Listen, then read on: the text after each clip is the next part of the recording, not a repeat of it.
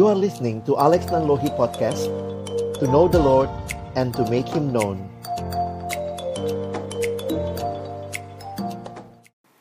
Mari kita berdoa sebelum kita membaca merenungkan firman Tuhan. Biarlah sungguh ya Tuhan,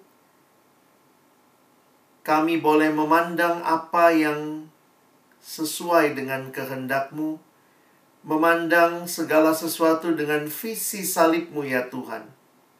Supaya sungguh hidup kami terarah kepadamu, dan senantiasa dipimpin, dituntun olehmu. Terima kasih buat kesempatan sore hari ini kami boleh bersekutu, memuji, memuliakan namamu, menaikkan pujian kepadamu, mendengarkan sharing, menaikkan doa, dan tiba waktunya bagi kami untuk membuka firman-Mu ya Tuhan. Karena itu kami mohon ketika kami membuka firman-Mu, bukalah juga hati kami Jadikanlah hati kami seperti tanah yang baik, supaya ketika benih firman Tuhan ditaburkan, itu boleh sungguh-sungguh berakar, bertumbuh, dan juga berbuah nyata di dalam kehidupan kami. Berkati hambamu yang menyampaikan, setiap kami yang mendengar, Tuhan tolonglah kami semua, agar kami bukan hanya menjadi pendengar-pendengar firman yang setia, tapi mampukan dengan kuasa, dengan pertolongan dari rohmu yang kudus, kami dimampukan menjadi pelaku-pelaku firman-Mu di dalam kehidupan kami. Bersabdalah ya Tuhan, kami anak-anak-Mu sedia mendengarnya. Di dalam satu nama yang kudus, nama yang berkuasa, nama Tuhan kami Yesus Kristus, kami menyerahkan pemberitaan firman-Mu. Amin.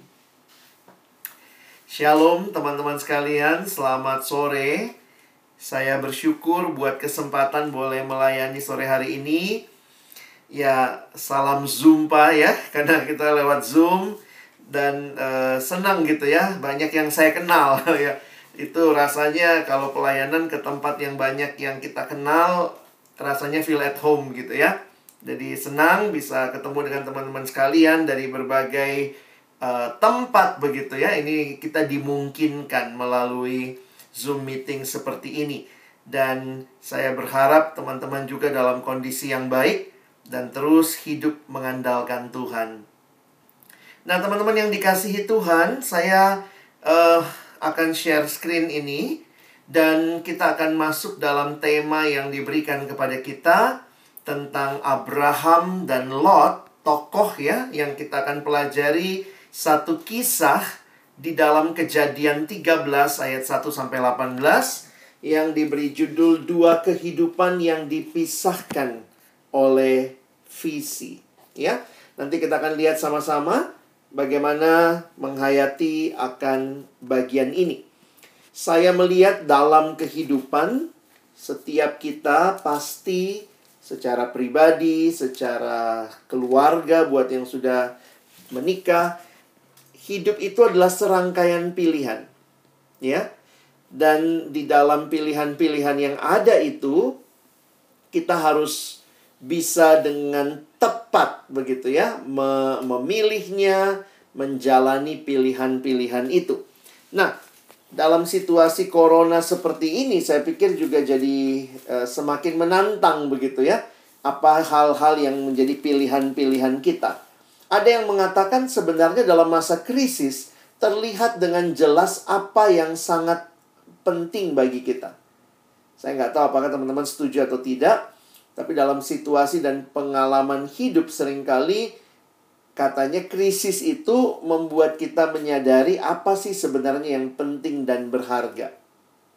Jadi ketika kita menjalani pandemi ini kan awalnya cuma masalah kesehatan ya maaf saya pakai kata cuma masalah kesehatan, tapi karena terjadinya di seluruh dunia, sekarang sudah jadi masalah sosial, masalah ekonomi, masalah politik bahkan, masalah pendidikan buat anak-anak kita, masalah uh, spiritual, kita beribadah online dan seterusnya. Ini semua menunjukkan bahwa kesempatan kita melihat lagi apa yang penting di dalam berbagai aspek kehidupan, ya.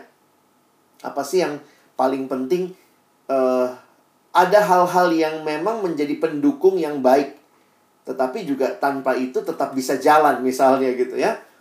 E, beberapa orang mulai berpikir sekolah itu butuh gedung nggak ya gitu ya.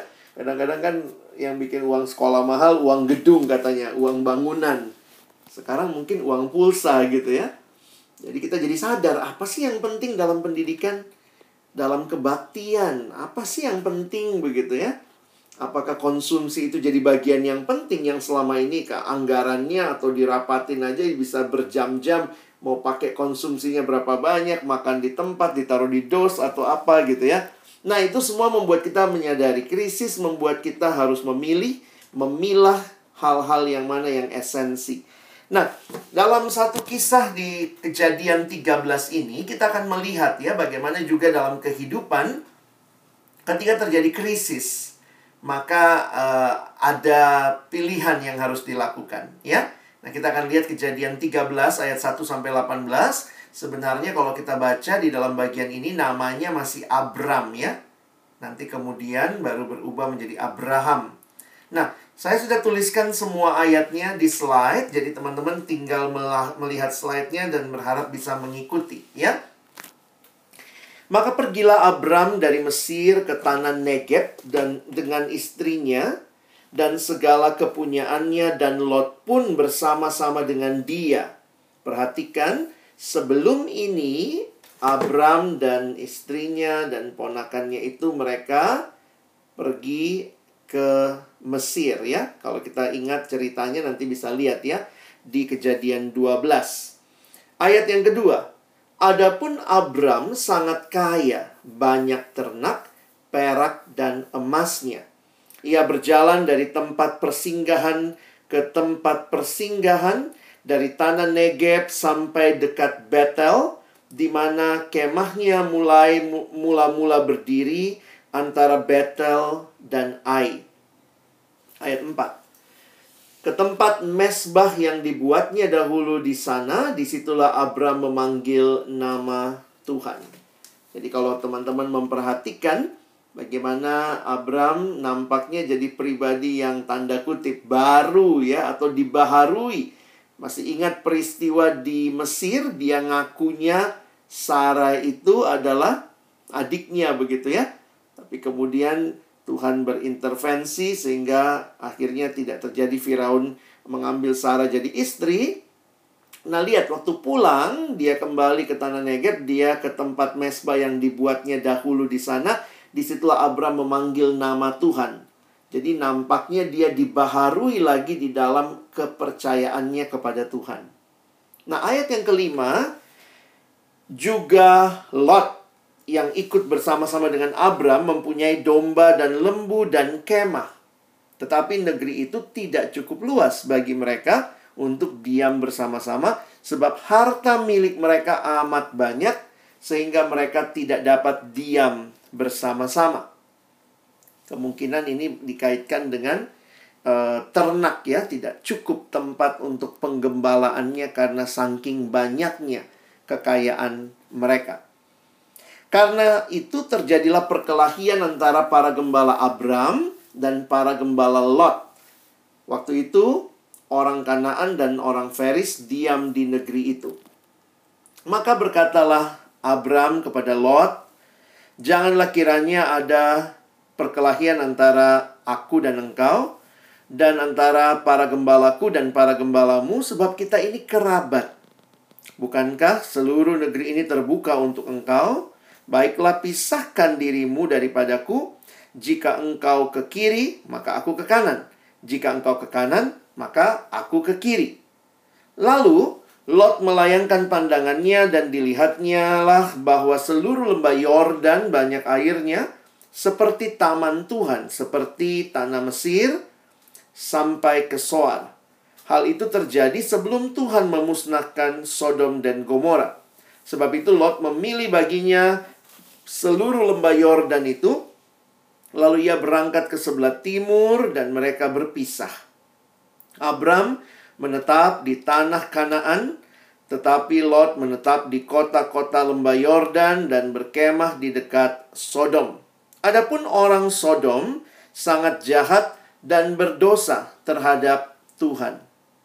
Setelah Lot berpisah daripada Abram, berfirmanlah Tuhan kepada Abram, "Pandanglah sekelilingmu dan lihatlah dari tempat engkau berdiri itu ke timur dan barat, utara dan selatan, sebab seluruh negeri yang kau lihat itu akan kuberikan kepadamu dan kepada keturunanmu untuk selama-lamanya. Dan aku akan menjadikan keturunanmu seperti debu tanah banyaknya, sehingga jika seandainya ada yang dapat menghitung debu tanah keturunanmu pun akan dapat dihitung juga. Bersiaplah, jalanilah negeri itu menurut panjang dan lebarnya, sebab kepadamulah akan kuberikan negeri itu. Sesudah itu, Abram memindahkan kemahnya dan menetap di dekat pohon-pohon tarbantin di Mamre, dekat Hebron. Lalu didirikannya lah mesbah di situ bagi Tuhan. Sedemikian jauh pembacaan firman Tuhan. Berbahagialah kita yang bukan hanya membacanya, tapi juga memahaminya, menerapkan dalam hidup kita, dan bahkan membagikannya. Nah, teman-teman yang dikasihi dalam Tuhan Yesus Kristus, kisah ini nampaknya biasa saja begitu ya. Sekilas kalau kita baca, oh ada konflik lalu ya udah pisah deh gitu ya. Daripada dipertahankan sulit juga walaupun kerabat lah masing-masing cari jalannya sendiri. Seolah-olah ya cuma sekadar peristiwa biasa saja. Tetapi Mengapa ini ada di dalam Alkitab kita? Saya pikir kita perlu memperhatikan beberapa hal penting yang menjadi catatan dari narator. Kalau teman-teman memperhatikan, setiap kali kita membaca narasi perjanjian lama, ada pribadi yang namanya narator. Narator itu yang menceritakan kepada kita. ya. Jadi, mari kita lihat sebentar apa yang menjadi latar belakang peristiwa ini. Ini adalah konflik Abraham dan Lot atau Abram dan Lot memang bukan Abram berantem sama Lot langsung tetapi antara orang-orang yang ikut dengan mereka. Ya, teman-teman bisa lihat ayatnya tadi.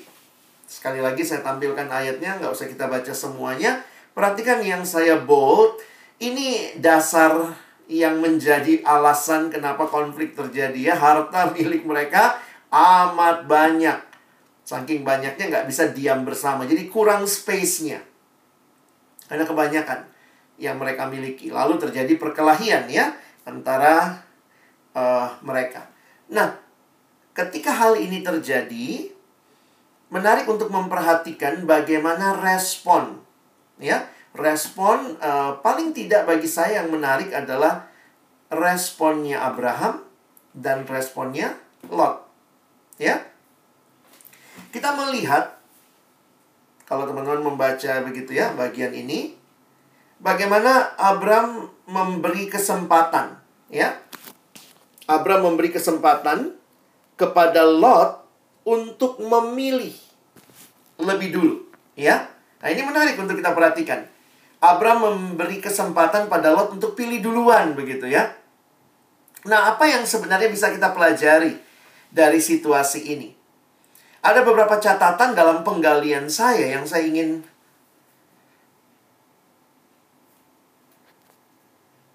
Baik, teman-teman saya coba lanjutkan. Kalau nanti ada gangguan, mohon maklum nanti kita saya coba connect lagi ya. Jadi, kalau kita perhatikan sekali lagi dalam konteks ini, ada beberapa catatan yang menarik untuk kita pahami tentang Abraham, ya. Dan Menarik bahwa Abraham memberi kesempatan untuk Lot memilih lebih dahulu. Padahal kalau teman-teman tahu, ya mari kita balik lagi misalnya ke pasal 12 ya. Coba perhatikan sebentar. Yang ada di layar ini pasal 12 ayat pertama. Ketika itu Tuhan kan menampakkan dirinya atau Tuhan menyatakan atau Tuhan memanggil yang dipanggil adalah Abraham. Ya. Pergilah dari negerimu dan dari sanak saudaramu, dari rumah bapamu ke negeri akan kutunjukkan kepadamu. Lalu Tuhan yang berjanji sama Abraham untuk memberikan tanah kan kepada mereka, kepada Abraham dan keturunannya. Sehingga kalau teman-teman perhatikan di ayat 4, Lalu pergilah Abram seperti yang difirmankan Tuhan kepadanya dan Lot pun ikut bersama-sama dengan dia. Jadi sebenarnya kalau bicara sederhananya janji tanahnya itu buat Abraham. Nah, di sini menarik untuk melihat bahwa Abraham sendiri punya kerendahan hati yang luar biasa untuk mengizinkan Lot memilih duluan begitu ya padahal itu tanah yang Tuhannya Tuhan tuh janjinya sama dia. Lalu dikatakan di ayat yang kelima Nah, Abram ini sudah tua juga. Kalau teman-teman lihat di ayat yang keempat ya, Abram berumur 75 tahun ketika ia berangkat dari Haran. Abram membawa Sarai istrinya dan Lot anak saudaranya dan segala benda yang didapatnya. Nah, sekilas saya angkat ayat ini untuk menunjukkan bahwa uh, sebenarnya ini kerendahan hati yang luar biasa ya. Tidak mesti dia kasih pilihan sama Lot begitu ya. Karena Lot juga diajak sama dia. Nah, mungkin yang menjadi hal yang menarik adalah para penafsir ada yang bertanya begini, apakah selama bersama-sama dengan Abram, Lot tidak belajar ya memahami tentang siapa Allah yang memanggil Abram? Ya. Sementara kalau kita lihat memang Abraham sendiri dalam beberapa peristiwa nampaknya semakin dimurnikan oleh Tuhan, tapi nampaknya tidak demikian dengan Lot. Ya, maka ayat 8 pasal 13 maka berkatalah Abram kepada Lot, janganlah kiranya ada perkelahian antara aku dan engkau, antara para gembalaku dan para gembalamu, sebab kita ini kerabat. Lalu perhatikan ayat 9. Bukankah seluruh negeri ini terbuka untuk engkau? Wah, ini luar biasa ya. E, lalu dia bilang, "Baiklah, pisahkan dirimu dan daripadaku. Jika engkau ke kiri, maka aku ke kanan." Jadi kamu dulu yang milih ya, kamu milih ke mana nanti aku ambil yang berlawanan. Jadi teman-teman kalau saya perhatikan, memang dalam uh, realita kalau kita belajar mapnya Israel, daerah yang akhirnya dipilih oleh uh, Abram, ya Abraham, yang dipilih oleh Abraham atau yang uh, kan Lot milih duluan ya, Lot milihnya ke timur, Memang memang Tuhan rencananya memang memberikan Abraham itu secara khusus bagian itu, begitu ya. Bagian yang ada di uh, yang ada di tempat yang Abraham tinggal begitu. Daerah Kanaan ya sesuai dengan bagiannya. Tetapi menarik juga waktu kita perhatikan sebenarnya kan Abraham waktu itu tidak tidak dapat petunjuk cukup jelas dari Tuhan which part ya. Dan bagaimana dia memberi kesempatan Lot memilih duluan, bagi saya di sini juga menunjukkan uh, kerendahan hati dan juga satu apa ya? Mungkin saya setuju dengan seorang penafsir. Nanti teman-teman kalau membacanya menarik. Dia bilang begini. Abram itu waktu dipanggil dari negerinya pun dia nggak tahu mau ke mana. Ya. Jadi nampaknya tuh Abraham sudah biasa dengan ketidakpastian. ya. Kadang-kadang kalau buat kita tuh tidak pasti tuh nggak enak banget ya. Tapi Abraham nampaknya udah pasti udah sering dengan ketidakpastian, dipanggil dari negerinya, masuk ke uh, apa pergi ke tanah yang dia nggak tahu di mana. Sampai di situ pun jadi katanya ya beberapa orang mengatakan tindakan imannya Abraham adalah silakan Lot pilih dulu.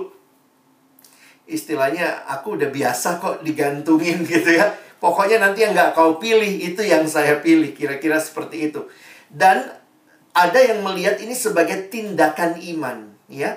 Tindakan iman Abram terbiasa dengan ketidakpastian tetapi dia punya satu kepastian bahwa Allah yang memanggil dia, Allah yang juga bersama-sama dengan dia. Masih ingat tadi yang saya bilang di atas, Abram begitu pulang dari Mesir, dia datang lagi ke tempat di mana dia mendirikan mesbah, nampaknya Abram makin dibaharui dalam imannya kepada Allah. Nah, teman-teman di sinilah saya coba masuk ke tema kita ya. Waktu kita bicara tentang visi, nah teman-teman visi itu kan artinya apa? Ya visi sederhana artinya melihat ya. Kalau kita bicara pembinaan regenerasi ya dalam pelayanan selalu bahas visi misi, maka kutipan dari kalimatnya George Barna dia katakan visi yaitu sebuah gambaran masa depan yang sangat jelas yang Allah komunikasikan kepada para pemimpin pelayannya Nah, berdasarkan pengenalan yang akurat tentang Allah, diri sendiri dan lingkungan, ya. Nah, bagi saya yang menarik dari definisi ini, ya, teman-teman kalau perhatikan definisi ini, maka kalimat gambaran masa depan yang sangat jelas yang perhatikan kalimat ini, Allah komunikasikan. Visi itu bukan cuma apa yang saya lihat, ya, tetapi apa yang Allah komunikasikan kepada para pemimpin pelayannya.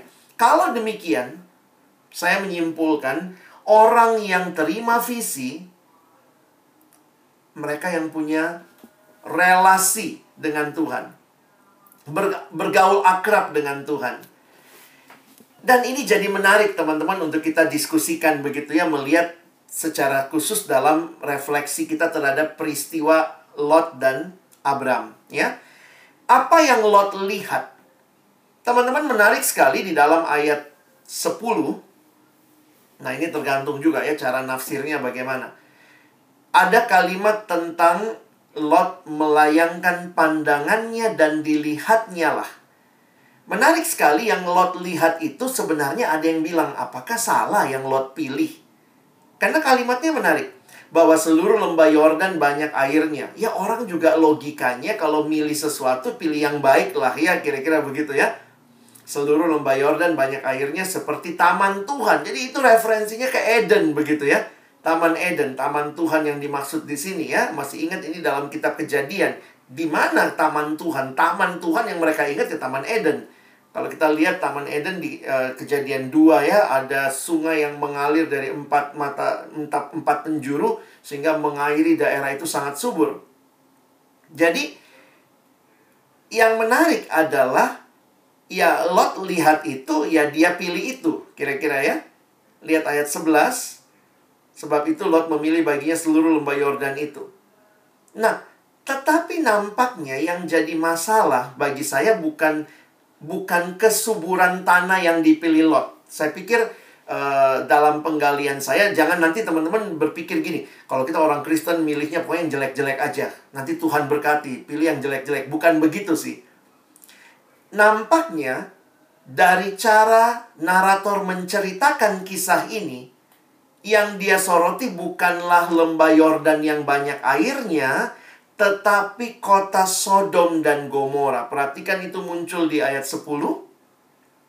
Hal itu terjadi sebelum Tuhan memusnahkan Sodom dan Gomora. Lalu kemudian lihat lagi ayat 13. Adapun orang Sodom sangat jahat dan berdosa terhadap Tuhan. Sehingga beberapa penafsir mengatakan selain memang itu daerah yang subur, yang tentunya tidak salah untuk dipilih, tetapi nampaknya Lot melihat sesuatu yang dia kompromikan, yaitu apa yang dia lihat dari kota Sodom dan Gomora. Kalau teman-teman perhatikan ayat 12, para penafsir mengatakan perhatikan loh, Lot menetap di kota lembah Yordan. Jadi sebenarnya bukan masalah di mana Lot ada, tetapi di tanah yang subur dia ada, tetapi dia kemudian nampaknya tertarik dengan kehidupan yang terjadi di Sodom, di mana itu kota orang-orangnya jahat dan berdosa terhadap Tuhan. Sekali lagi saya secara pribadi tidak melihat pilihan Lot salah. Ya mungkin ada penafsir lain melihatnya salah. Saya melihatnya masa salah sih milih itu banyak airnya apalagi referensinya taman Tuhan. Tapi yang menarik adalah ketika melihat itu hanya itu yang dilihat Lot. Dia mengesampingkan dia mengkompromikan bahwa ada kota yang sangat jahat penduduknya dan bahkan di dalam ayat 12 dituliskan Lot menetap di kota-kota lembah Yordan dan akhirnya kalau kita baca pasal berikutnya Lot pindah ke Sodom. Jadi bagi saya itu yang sebenarnya mengerikan, ya. Sementara di sisi lain waktu kita lihat Abraham kalau ini Lot yang melihat ya. Jadi kelihatannya memang apa yang dilihat ya itu yang dilihat. Tetapi Abraham menarik di ayat yang kita akan baca. Saya pakai pertanyaan ini, apa yang Tuhan perlihatkan kepada Abraham? Cara narator menceritakan di the bagian sebelumnya Lot memandang ya, tapi lihat ayat 14. Di ayat 14 setelah Lot berpisah dari Abram, berfirmanlah Tuhan kepada Abram, ya, pandanglah sekelilingmu dan lihatlah. Mungkin tidak sesubur daerah yang dipilih oleh Lot. Tetapi bagi saya yang menarik adalah perhatikan ada tiga kali kata keturunanmu, keturunanmu, keturunanmu. Ini menggenapkan apa yang Allah sendiri sudah janjikan di bagian sebelumnya. Di pasal yang ke-12. Jadi kalau teman-teman perhatikan, ini kalau kita mau bicara refleksi ya terhadap ayat ini, mungkin kita bisa katakan seorang Lot, dia melihat apa yang dia mau tetapi Abram belajar nunggu apa sih yang Tuhan mau, ya. Itu yang saya katakan beberapa penafsir melihat justru dengan memberikan kesempatan Lot memilih lebih dulu, Abram menunjukkan tindakan imannya, dia hanya bergantung kepada apa yang Tuhan nyatakan. Dan itu yang dituliskan, Tuhan menyatakan, pandanglah sekelilingmu. Dan dari definisi visinya George Barna tadi, Nah, kita bisa lihat ya bahwa ternyata benar yang satu hanya melihat apa yang sekedar depannya, yang mungkin bagus, nggak salah juga kalau dipilih. Tetapi kita lihat nampaknya Lot kompromi dengan memilih kota Sodom yang mungkin dia punya ketertarikan dengan gaya hidup mereka, kemajuan mereka. Sementara Abram akhirnya diteguhkan oleh Tuhan sendiri. Tuhan bilang pandang nih. Mungkin Tuhan juga dalam ini ya, penghayatannya Abram, wah nggak sesubur yang dikasih sama Lot nih. Atau yang dipilih Lot. Tapi, ini Tuhan yang panggil saya. Dan karena itu tidak kebetulan, Tuhan berfirman, ayat 15 ada kata keturunan, ayat 16 dua kali kata keturunan menunjukkan bahwa kehadiran Allah lah yang sebenarnya memastikan berkat dialami oleh oleh Abram. Karena itu Tuhan minta, bersiaplah, jalanilah negeri itu menurut panjang dan lebarnya, sebab kepadamu akan kuberikan negeri itu. Sesudah itu Abram memindahkan kemahnya. Jadi waktu saya menghayati Abram memindahkan kemahnya, siapa yang moving? kayaknya daerah yang mereka itu itu daerah yang akhirnya juga ditempatin ya walaupun akhirnya Lot itu move bahkan pindah sampai masuk ke Sodom tapi Abram akhirnya harus pindah kemahnya dan menetap di dekat pohon-pohon terbantin di Mamre dekat Hebron dan ini nih cara narator menuliskan lalu didirikannya lah mesbah di situ bagi Tuhan nah ini yang saya coba tafsirkan, nampaknya bukan masalah yang mana yang dipilih. Nggak salah dalam memilih yang baik itu nggak salah. Tetapi di mana Tuhan dalam pilihan kita? Abraham mendirikan mesbah bagi Tuhan. Sebelumnya dia pun datang kepada Tuhan. Sementara Lot nampaknya lebih tertarik dengan kehidupan Sodom dan bahkan masuk ke kota itu. Nah, teman-teman yang dikasihi Tuhan, visi itu apa kalau begitu? Kalau kita cuma lihat, ya nggak salah dong lihat yang bagus. Siapa sih yang nggak mau pekerjaan yang lebih baik, punya pendidikan untuk anak yang lebih baik. Kita lihat sekolah, dua sekolah, masa pilih yang buruk buat anak gitu ya. Uh, tapi yang sedang di, diingatkan kepada kita, di mana Tuhan? Karena jangan sampai kita hanya melihat yang kelihatan. Sementara yang kita harusnya lihat adalah apa yang Tuhan mau kita lihat. Sehingga bisa jadi Ya, seperti yang kita refleksikan dari Abram, belum tentu yang Abram dapat itu kan subur ya, karena kelihatannya memang lebih subur yang didapat oleh oleh uh, si Lot. Tetapi kehadiran Allah itu cukup sehingga Abram nggak iri gitu ya dengan apa yang ih enak banget dia pilih yang berair, pilih yang lembah Yordan yang sangat penuh dengan uh, segala hijau begitu ya. Bagi saya bukan itu yang sedang didiskusikan di sini. Di mana Tuhan dalam pilihan-pilihan kita, bahkan ketika kita mungkin masuk di dalam situasi yang sulit, memilih yang sekedar nyaman, atau mungkin yang tidak nyaman, tapi kita tahu bahwa ini memang yang Tuhan mau kita lewati. Nah, teman-teman yang dikasihi Tuhan, saya melihat di sini jadi pergumulan ya pertanyaan apa sih arti hidup ya? Kadang-kadang kalau kita alumni-alumni berdiskusi begitu ya. Jadi hidup tuh apaan sih gitu ya? Nah, saya sedang mencoba menghayati begini. Belajar dari kisah ini, kalau kita pakai istilah visi, saya mau pakai istilah lain yang juga uh, lagi populer begitu ya. Sebenarnya setiap kita sadar atau tidak sedang menghidupi sebuah cerita. Believe it or not, kita itu sebenarnya sedang menghidupi sebuah cerita. Abraham menghidupi sebuah cerita. Lot juga pasti punya cerita. Dan teman-teman mesti memperhatikan cerita ini yang sebenarnya sadar atau tidak sedang memberikan sebuah apa ya uh, konteks kepada hidup kita. Mungkin kalau kita tanya dari mana cerita itu, oh bisa macam-macam. Dari keluarga kita, dari pendidikan kita, dari culture kita. Jadi sebenarnya kita tuh masuk ada ada cerita besar yang sedang kita kita hidupi, sadar atau tidak. Kalau kamu punya cerita tentang cerita besarmu adalah uang, apa-apa uang, apa-apa uang gitu ya, maka sadar atau tidak, semua hal yang terjadi, pilihan-pilihan kita, itu akan terkait dengan hal itu. Nah, itu kira-kira cara mengertinya seperti itu. Atau dalam bahasa lain, cerita besar inilah yang akan memberi makna kepada setiap tindakan dalam kehidupan kita. Saya ambil kalimat Timothy Keller.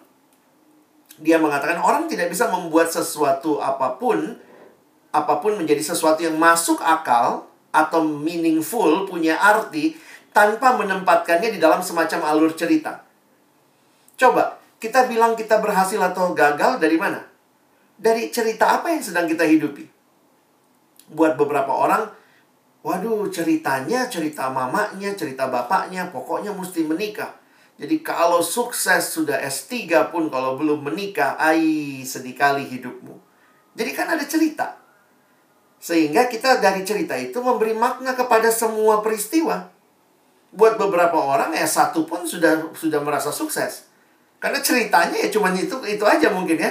S1 syukur-syukur di kampung kita inilah anak S1 pertama mungkin begitu ya. Karena mungkin cerita di kampung, cerita di culture kita ya happily ever after punya anak, menikah, anaknya bertumbuh, selesai. Sadar atau tidak kita sedang menghidupi sebuah cerita dan kita memberi makna kepada setiap hal dalam hidup. Tergantung cerita kita. Nah, kalau kita bicara soal visi tadi, ya visi itu cerita itu. Apa sih yang kita lihat?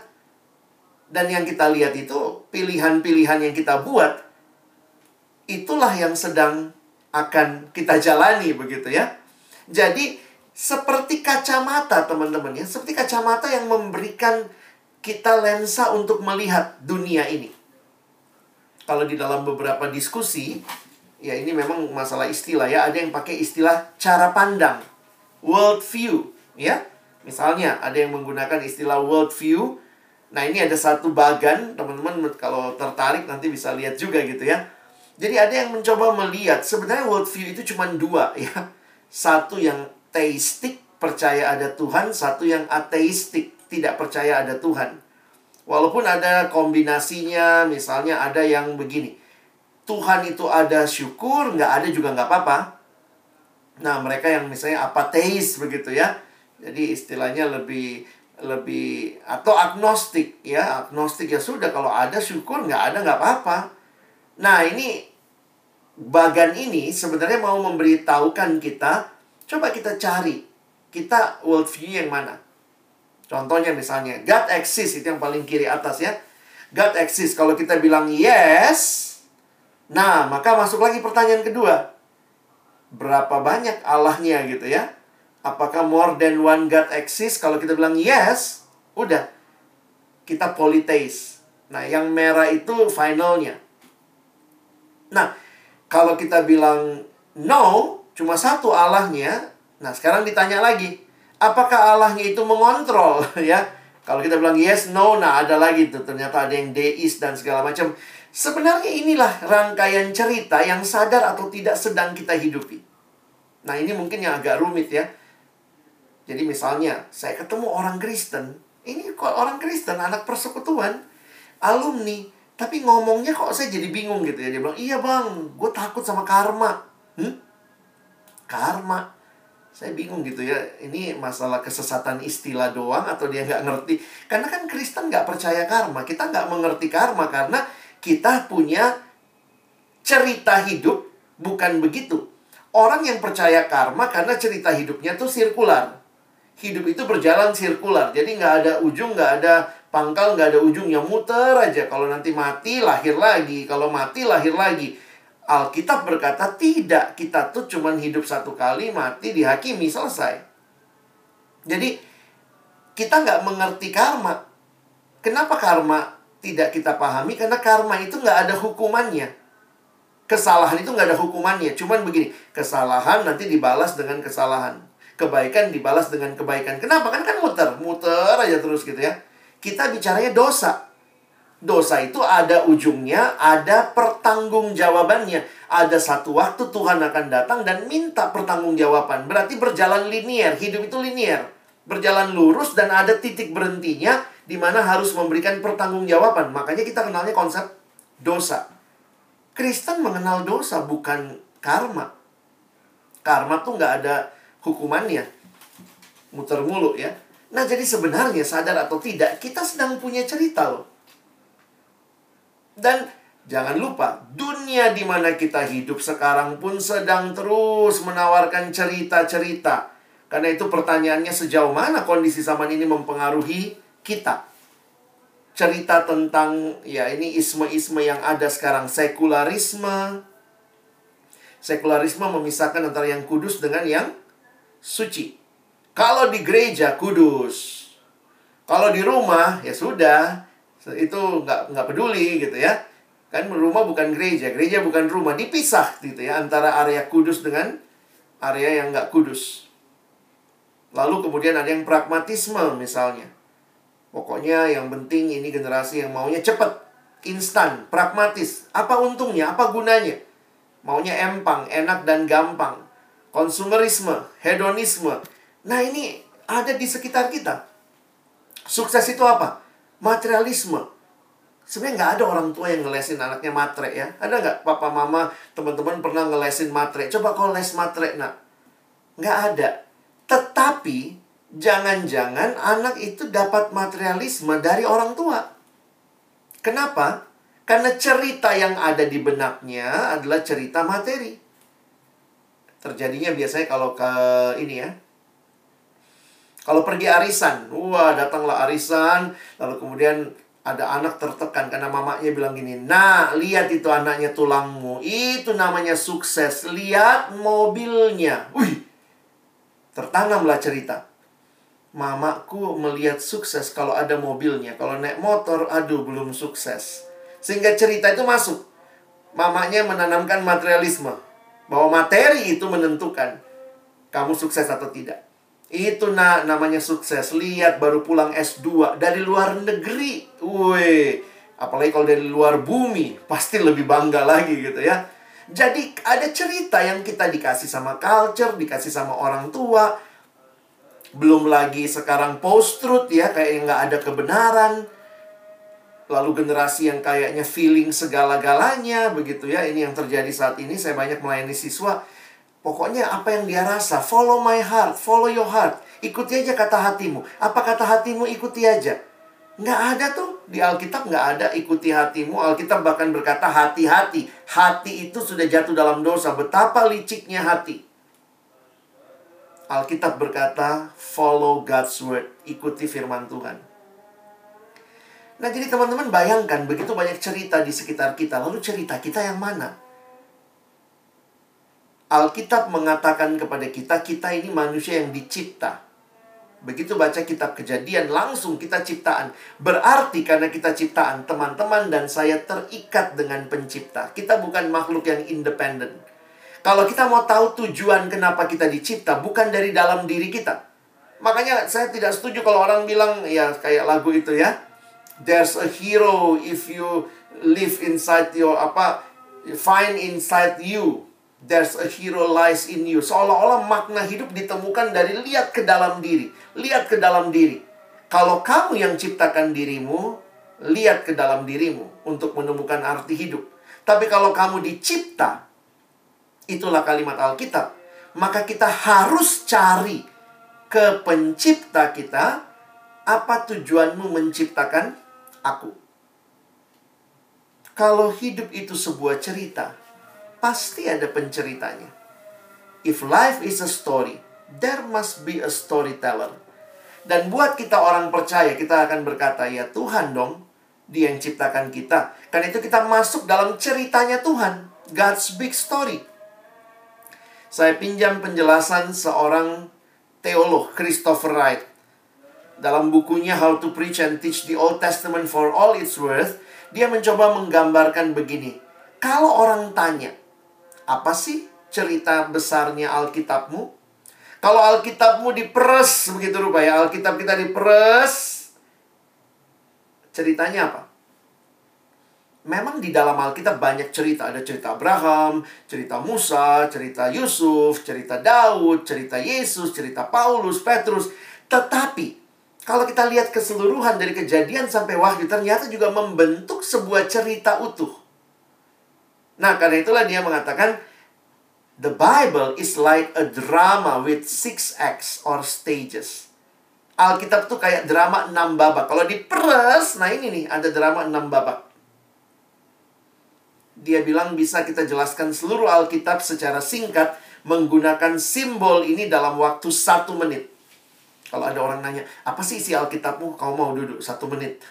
Lalu kita ambil tisu, kita gambar aja di belakang tisu. Pertama, simbol ini ini creation. Allah mencipta. Dia yang menciptakan segala sesuatu. Lalu yang kedua, jatuh dalam dosa.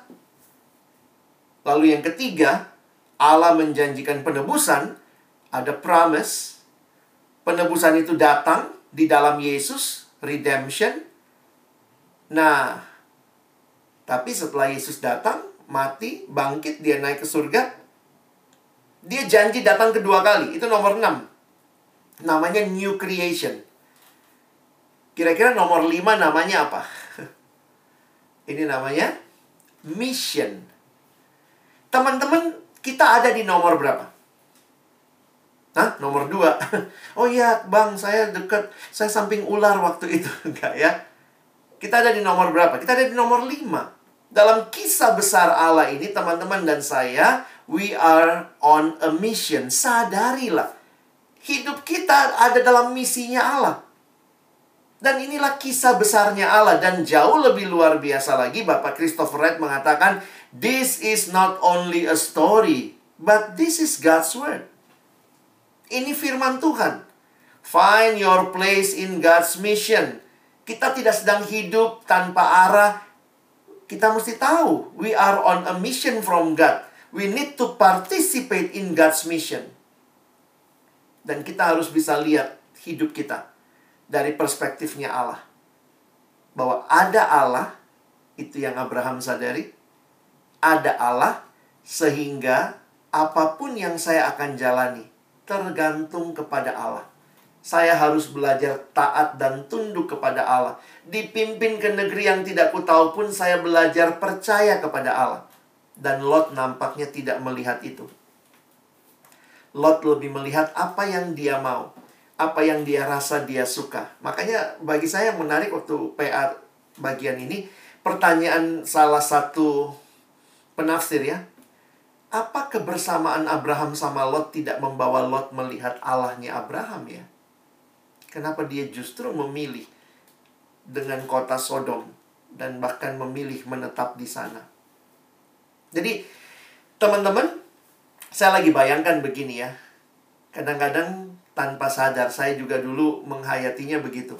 Ini ceritaku. Wah, saya lagi ceritaku, lagi karir-karirnya lagi bagus, studi S2, lalu kemudian lagi kerja, lagi bagus, bersinar, benderang terang gitu ya. Seolah-olah hidup ini ceritaku, lalu saya undang Tuhan, ayo Tuhan, masuk dalam ceritaku, berkat-berkati aku Tuhan, biar lebih bagus hidupku. Tapi ini ceritaku. Tapi waktu saya mengerti ini, ini bukan cerita saya, ini ceritanya Tuhan.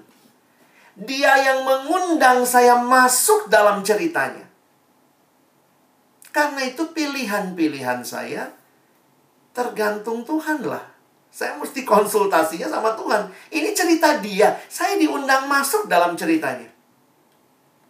Nah, saya kasih contoh gini, teman-teman yang penggemar drama Korea nih, tiba-tiba ada penulis naskah drama Korea sekaligus seorang sutradara terkenal, lalu dia datang, dia bilang sama teman-teman kepada, kepada kamu, saya mau kamu jadi pemeran utama drama yang saya akan keluarkan tahun 2022.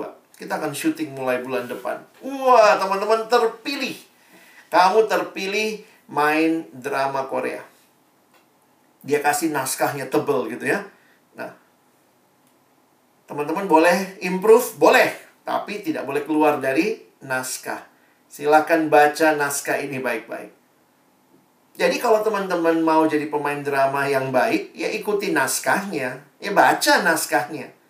Karena ini kan bukan bukan ceritamu, lalu kau undang sutradara ini ya ceritaku. Ayo masuklah uh, sutradarai aku. Loh, sutradara itu mau kamu yang ikuti dia. Bukan dia yang ikuti kamu begitu ya. Jadi bayangkan kalau saudara mau bermain dengan baik dalam drama itu, saudara harus rajin-rajin baca naskahnya. Kalau kita mau hidup di dalam ceritanya Allah, rajin-rajin baca naskahnya. Itu tebel itu ya. Namanya Alkitab ya. Kita rajin nggak baca naskahnya? Gimana cara bersahabat? Kita bisa belajar di naskahnya. Boleh improve dikit, boleh. Tapi lihat, sesuai naskahnya. Gimana caranya mengatasi konflik? Baca naskahnya. Gimana caranya membangun hidup dalam keluarga? Baca naskahnya. Nanti kemudian ada uh, adegan di dalam rumah tangga. Bagaimana cara mendidik anak? Baca naskahnya. Naskah ini yang akan menuntun kamu dalam hidup yang adalah sebuah misi. Karena itu mari terus bertumbuh ya buat alumni-alumni, teman-temanku, mari terus bertumbuh. Terus bangun hidup yang berakar dalam firman Tuhan. Jangan merasa diri sudah cukup tahu, sudah mampu, sudah bisa, sudah banyak PA. Kita nggak ada yang sudah pernah sangat expert.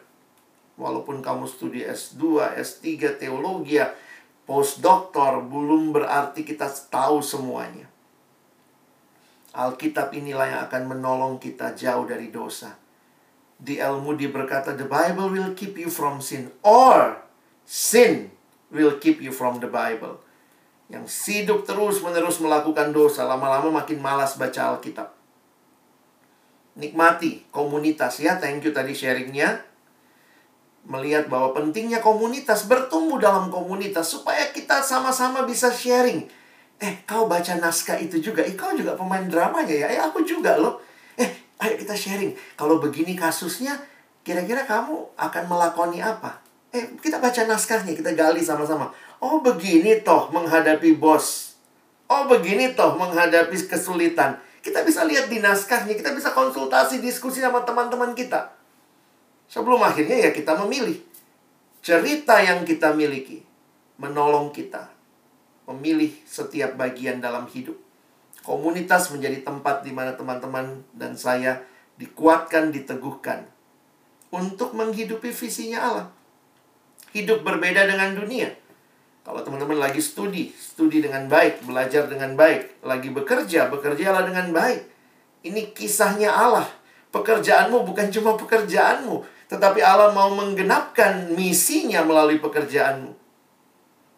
Kalau saudara dalam pergaulan, biarlah pergaulanmu juga memuliakan Tuhan. Kalau sedang membangun relasi, relasimu juga memuliakan Tuhan. True love waits. Dan akhirnya juga saya berharap rumah tangga-rumah tangga kita adalah rumah tangga yang benar-benar hidup di dalam kebenaran firman Tuhan. Jadi hari ini apa yang kita refleksikan? Bagi saya Lot melihat apa yang dia mau karena dia sedang menghidupi ceritanya sendiri. Cerita yang nampaknya begitu menarik dari Sodom yang dia ikuti. Mungkin di situ lambang kesuksesan, lambang kebebasan. Abram, dia tahu this is not my story. Dari dipanggil aja dia udah bingung gitu ya. Ke negeri yang tidak dia tahu. Tapi dia belajar percaya. Dia gagal di Mesir, dia balik lagi. Dia bangun mesbah, dia membaharui imannya. Nggak boleh kayak begitu. Saya mesti jujur, adik ya adik, istri ya istri gitu ya. Sehingga dari situ dia membaharui iman. Ini orang yang sadar, this is not my life uh, uh, alone dia menjalani pilihan-pilihan yang dia konsultasikan kepada Tuhan dan di dalamnya dia terus bertumbuh di dalam Tuhan makin percaya. Dan saya pikir belum selesai ya. Nanti lihat lagi hidup Abraham diproses terus sampai akhirnya punya anak. Punya anak lalu kemudian harus mempersembahkan anaknya. Terus hidup itu sedang menghidupi sebuah cerita. Dan setiap kali dia konsul sama penulis naskah utamanya. Apakah teman-teman masih ada dalam naskahnya? Masih ikuti? Atau udah mulai melenceng? Naskahnya ditutup, sekarang ini hidupku. Dan hati-hati, dua kehidupan dipisahkan oleh cerita. Ceritamu atau cerita Allah. Amin. Mari kita berdoa. Tuhan terima kasih buat firman-Mu. Setiap perenungan kami kiranya menolong kami juga sebagai alumni di dalam kehidupan kami masing-masing. Bagi kami yang sedang bekerja, ini bukan sekadar pekerjaan kami, ini misi Allah di dalam dan melalui pekerjaan kami. Kami yang hidup dalam rumah tangga, ini bukan sekedar keluarga kami, tapi ini adalah misi Allah melalui keluarga yang di mana Tuhan hadirkan kami. Begitu banyak hal yang terjadi. Seringkali kami merasa ini punya kami, tapi bukan. Ini cerita Allah yang sungguh luar biasa. Engkau berkenan melibatkan kami ya Tuhan. Yang lemah, yang sering kali gagal, yang sering kali nggak mau baca naskah, yang sering kali mau ikut apa yang kami mau. Tidak ikut naskahmu ya Tuhan. Tapi hari ini baharui kami kembali menjalani kisahmu dan melihat hidup kami senantiasa bagi kemuliaanmu. Tolong saudara-saudaraku yang mungkin sedang gagal untuk taat. Seperti Abram juga gagal untuk taat di Mesir. Dia berbohong. Tetapi Tuhan pulihkan. Maka kami berdoa bagi kami yang sedang gagal mengikuti kisahnya Allah kami yang sedang kepala batu Tuhan mengikuti maunya kami, bukan maunya Tuhan. Biarlah kami kembali diarahkan untuk kembali taat dan setia kepadamu seumur hidup kami. Tolong kami bukan cuma jadi pendengar firman, jadikan kami pelaku-pelaku firman-Mu dalam nama Yesus kami berdoa. Amin.